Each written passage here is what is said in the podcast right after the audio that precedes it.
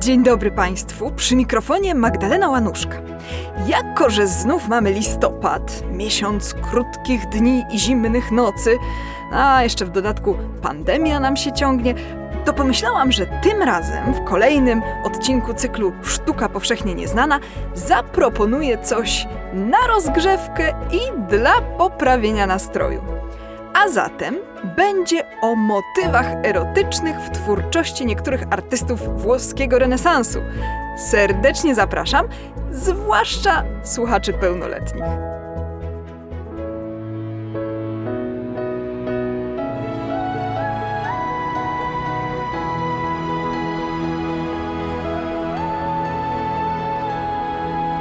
Dziękujemy patronkom i patronom za wsparcie. Dołącz do grona dobroczyńców podcastu Tygodnika Powszechnego w serwisie Patronite.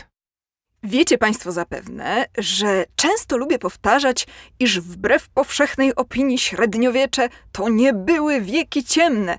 I należy też podkreślić, że nie była to epoka szczególnie pruderyjna, a jednak trzeba przyznać, że więcej dzieł o charakterze, no co tu dużo mówić, mocno erotycznym, przyniósł nam renesans. XVI wiek, szczególnie w pierwszej jego połowie, można określić jako czasy dość dużej swobody obyczajowej. Humaniści nie słynęli jakoś z pobożnego czy cnotliwego stylu życia, a przy tym bardzo chętnie czerpali inspirację z mniej przyzwoitych elementów kultury antycznej. Szczególnie kultura starożytnej Grecji i Rzymu jawiła się jako dość wyzwolona, wszak nawet bogowie grecko-rzymscy zajmowali się głównie romansami i to w bardzo różnych konfiguracjach. Zarówno sztuka, jak i literatura starożytna były pełne śmiałych wątków erotycznych. Nie wiem, czy spotkaliście się Państwo kiedyś z taką opinią, że bardzo dobrą literaturę pornograficzną piszą kobiety. Otóż można powiedzieć, że to także jest osadzone w tradycjach antycznych. Niejaka Astianassa, y, podobno służąca Heleny Trojańskiej, miała być autorką niezachowanego do dziś poradnika odnośnie różnych pozycji seksualnych. Z kolei grecka poetka Elefantis zasłynęła z pisania podręczników seksualnych, które miały być opatrzone instruktażowymi ilustracjami. W te tradycje poradnictwa wpisał się także Owidiusz, który w końcowej części trzeciej księgi swojej sztuki kochania zalecał kobietom dobieranie pozycji seksualnych do swoich cielesnych atutów. Na przykład, że jak się ma ładną twarz, to warto leżeć na wznak, a jak się ma zgrabne nogi, to można je zarzucić na ramiona partnera. Wysoka kobieta powinna przyklęknąć, a jeśli po porodzie nasz front nie prezentuje się najlepiej, to należy wybrać pozycję, która pozwala eksponować tył. Najprościej i najmniej męcząco, jak mówi Owidiusz, jest jednak leżeć na prawym boku, czyli po prostu na łyżeczkę. No i oczywiście cała ta literatura wpływała na wyobraźnię artystów renesansowych. I tak powstało dzieło zwane i mody, czyli sposoby lub 16 przyjemności. Otóż była to seria grafik, które opublikował w 1524 roku Marc Antonio Raimondi na podstawie rysunków słynnego skądinąd malarza Giulia Romano. Każda grafika przedstawiała inną pozycję seksualną. Niestety jednak to było przegięcie, nawet w ówczesnych, wyzwolonych czasach. Oto bowiem panowie nie pofatygowali się, aby zastosować kostium mitologiczny. Może by to przeszło jako przedstawienia pogańskich, antycznych bogów i herosów. Bez tego to po prostu pornografia. No i w efekcie Marc Antonio Raimondi został uwięziony przez papieża Klemensa VII, a cały nakład grafik został zniszczony. No ale Raimondi trzy lata później wypuścił drugie wydanie. To też zostało skazane na zniszczenie, ale wydaje się, że zachowały się pojedyncze fragmenty lub ewentualnie ich współczesne kopie. Dziś znajdują się one w kolekcji British Museum w Londynie. To są tylko kawałeczki ukazujące części postaci, lecz kilka z nich da się wpasować w kompozycję drzeworytów, które znajdują się w pewnej książce z połowy XVI wieku, zachowanej w jednym tylko egzemplarzu, przechowywanej w prywatnej kolekcji. Ta książka zawiera uproszczone kopie grafik z cyklu Imodi wraz z przypisanymi do każdego z nich erotycznymi wierszykami autorstwa poety Pietro Aretino. Czyli ten projekt ewoluował, miał kilka odsłon, a my dziś próbujemy odtworzyć ten proces na podstawie pojedynczych zachowanych fragmentów albo kopii. Ów Aretino chyba brał udział w kilku podobnych projektach, tworząc erotyczną poezję. Do jakiegoś cyklu jego wierszy miał powstać inny zestaw grafik autorstwa dość znanego włoskiego artysty Agostino Caracciego, żyjącego w drugiej połowie XVI wieku. W internecie krążą błędne informacje, jakoby te grafiki Caracciego to właśnie był cykl i mody, ale nie dajcie się Państwo na to nabrać. To jest zupełnie inny zestaw przedstawień, choć tematyka w rzeczy samej podobna. Nie zachowały się co prawda oryginały tych grafik Caracciego, ale mamy kopie wykonane w XVIII wieku. W odróżnieniu od Imodi, tutaj mamy zbiór 20 grafik, które jednak stosują kostium antyczny. Pary uprawiające seks zostały opisane jako bogowie i herosi mitologiczni. Mamy także kilku satyrów, czyli postacie ludzkie o kozich nogach i kopytach. Jest na przykład taka grafika, która ma tytuł kult Priapa. Priap był synem Dionizosa i bóstwem płodności. Na pierwszym planie widzimy parę satyrów, ale w tle jest na kolumnowym postumencie figurka tytułowego Priapa. No, w dość nieprzyzwoitej, przykucniętej pozie Priap prezentuje swoje możliwości, które, szczerze mówiąc, wykraczają poza naturalne proporcje ludzkiego ciała. Inne grafiki z tej serii ukazują dość ekwilibrystyczne pozycje seksualne. Trzeba też powiedzieć, że jak na nasze standardy, to wyjątkowo umięśnione są panie w tych grafikach. Ich nagie ciała są naprawdę muskularne. Zapraszam do oglądania reprodukcji na stronie mojego podcastu w serwisie Tygodnika Powszechnego. Jak wspomniałam, oryginały Caraccia, jeśli chodzi o te odbitki, nie zachowały się, ale przetrwały inne, wskazujące na to, że Agostino Caracci w rzeczy samej produkował erotyczne, żeby nie powiedzieć pornograficzne grafiki. Sztuka powszechnie nieznana. Opowiada Magdalena Łanuszka. W latach 80. XVI wieku w Bolonii bracia Annibale i Agostino Carracci wraz ze swym kuzynem Lodowikiem założyli przy swojej pracowni prywatną akademię artystyczną, czyli Akademię Carraccich.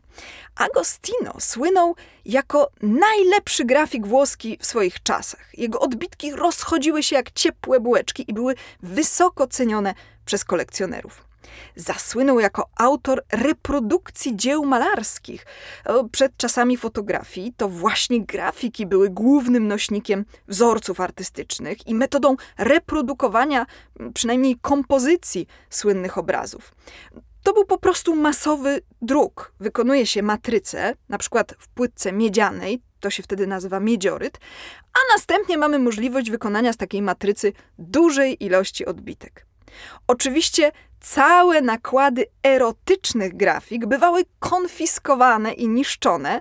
No, uważano bowiem, że ze względu na powszechną dostępność potencjał w kwestii demoralizacji jest znacznie większy w przypadku grafik niż powiedzmy erotycznych fresków w prywatnych pałacach, które cieszyły oczy tylko wąskiego grona właściciela i jego przyjaciół.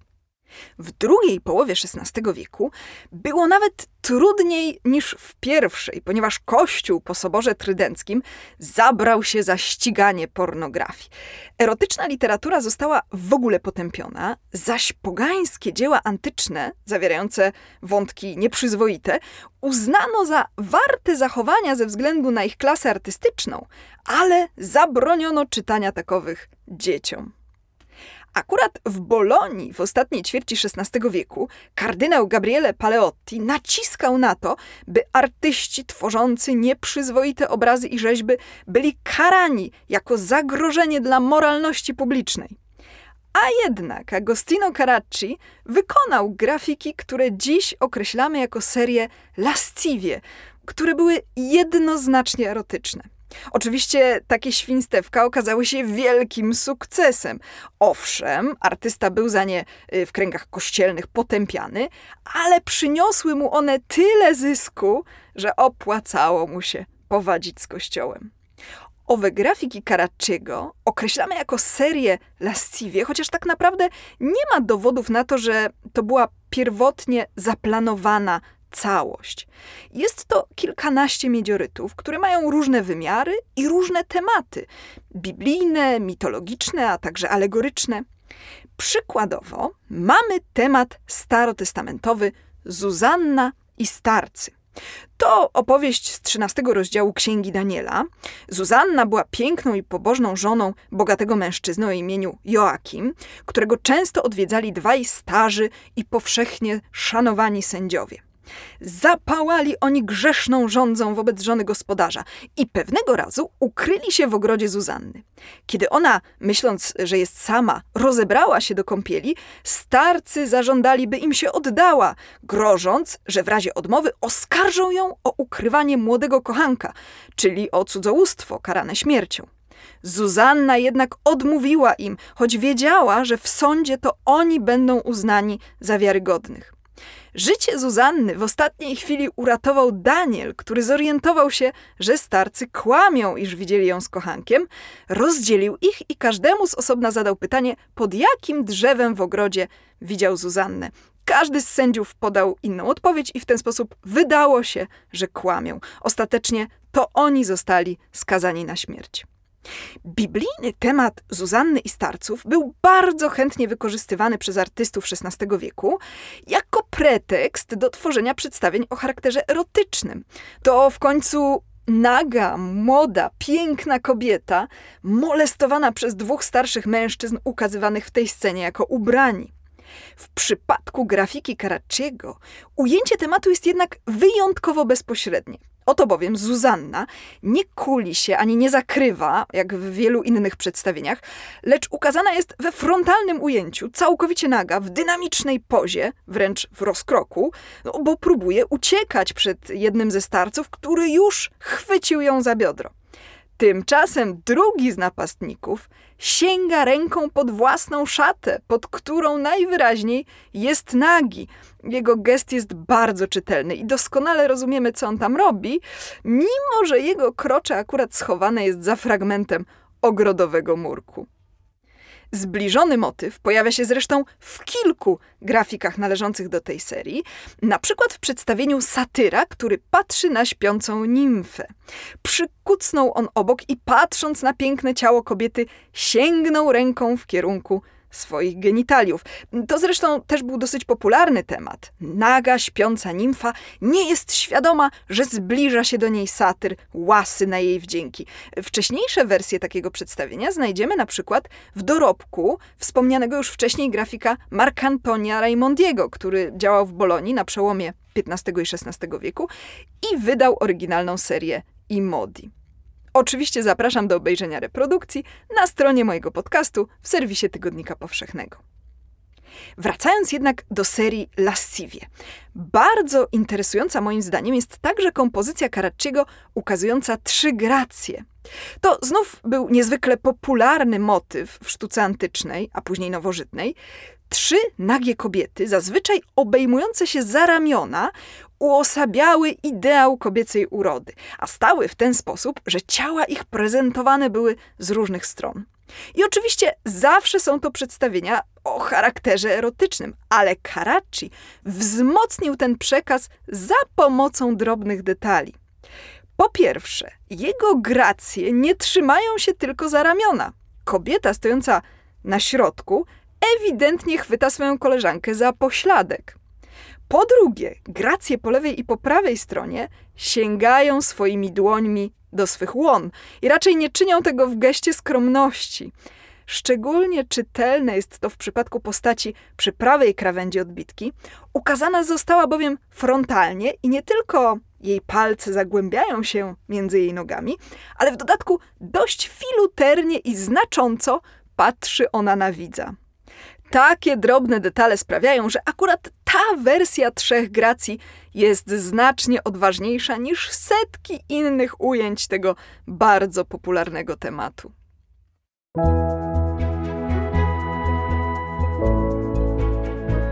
Wielcy mistrzowie renesansu, słynni malarze i graficy tworzyli dzieła, które do dziś zachwycają nas swoją klasą artystyczną. Jednocześnie bardzo często dzieła te były po prostu nieprzyzwoite. Nawet najwyżej cenieni artyści, na co dzień pracujący dla biskupów i papieży, tworzyli od czasu do czasu sztukę, która nadaje się jedynie dla pełnoletnich odbiorców. Seria Lasciwie, o której dziś wspomniałam, zawiera jeszcze więcej takich grafik, a niektóre można by wprost określić jako przedstawienia BDSM. I pozwolę sobie jeszcze raz przypomnieć, grafika to technika artystyczna przeznaczona do produkcji masowej. To nie były jakieś pojedyncze obrazki do prywatnych kolekcji. No cóż, mam nadzieję, że po wysłuchaniu dzisiejszego podcastu nikt z Państwa nie będzie mówił, że dawna sztuka europejska jest nudna i przestarzała. Dziękuję za wysłuchanie tego odcinka. Zapraszam na mój blog posztukiwania.pl i do usłyszenia za miesiąc. Magdalena Łanuszka. Jeśli słuchają nas Państwo w Spotify albo w Apple Podcasts, zasubskrybujcie nasz kanał. Jesteśmy też w Google Podcasts i w aplikacji Lekton oraz na www.tygodnikpowszechny.pl/podcast.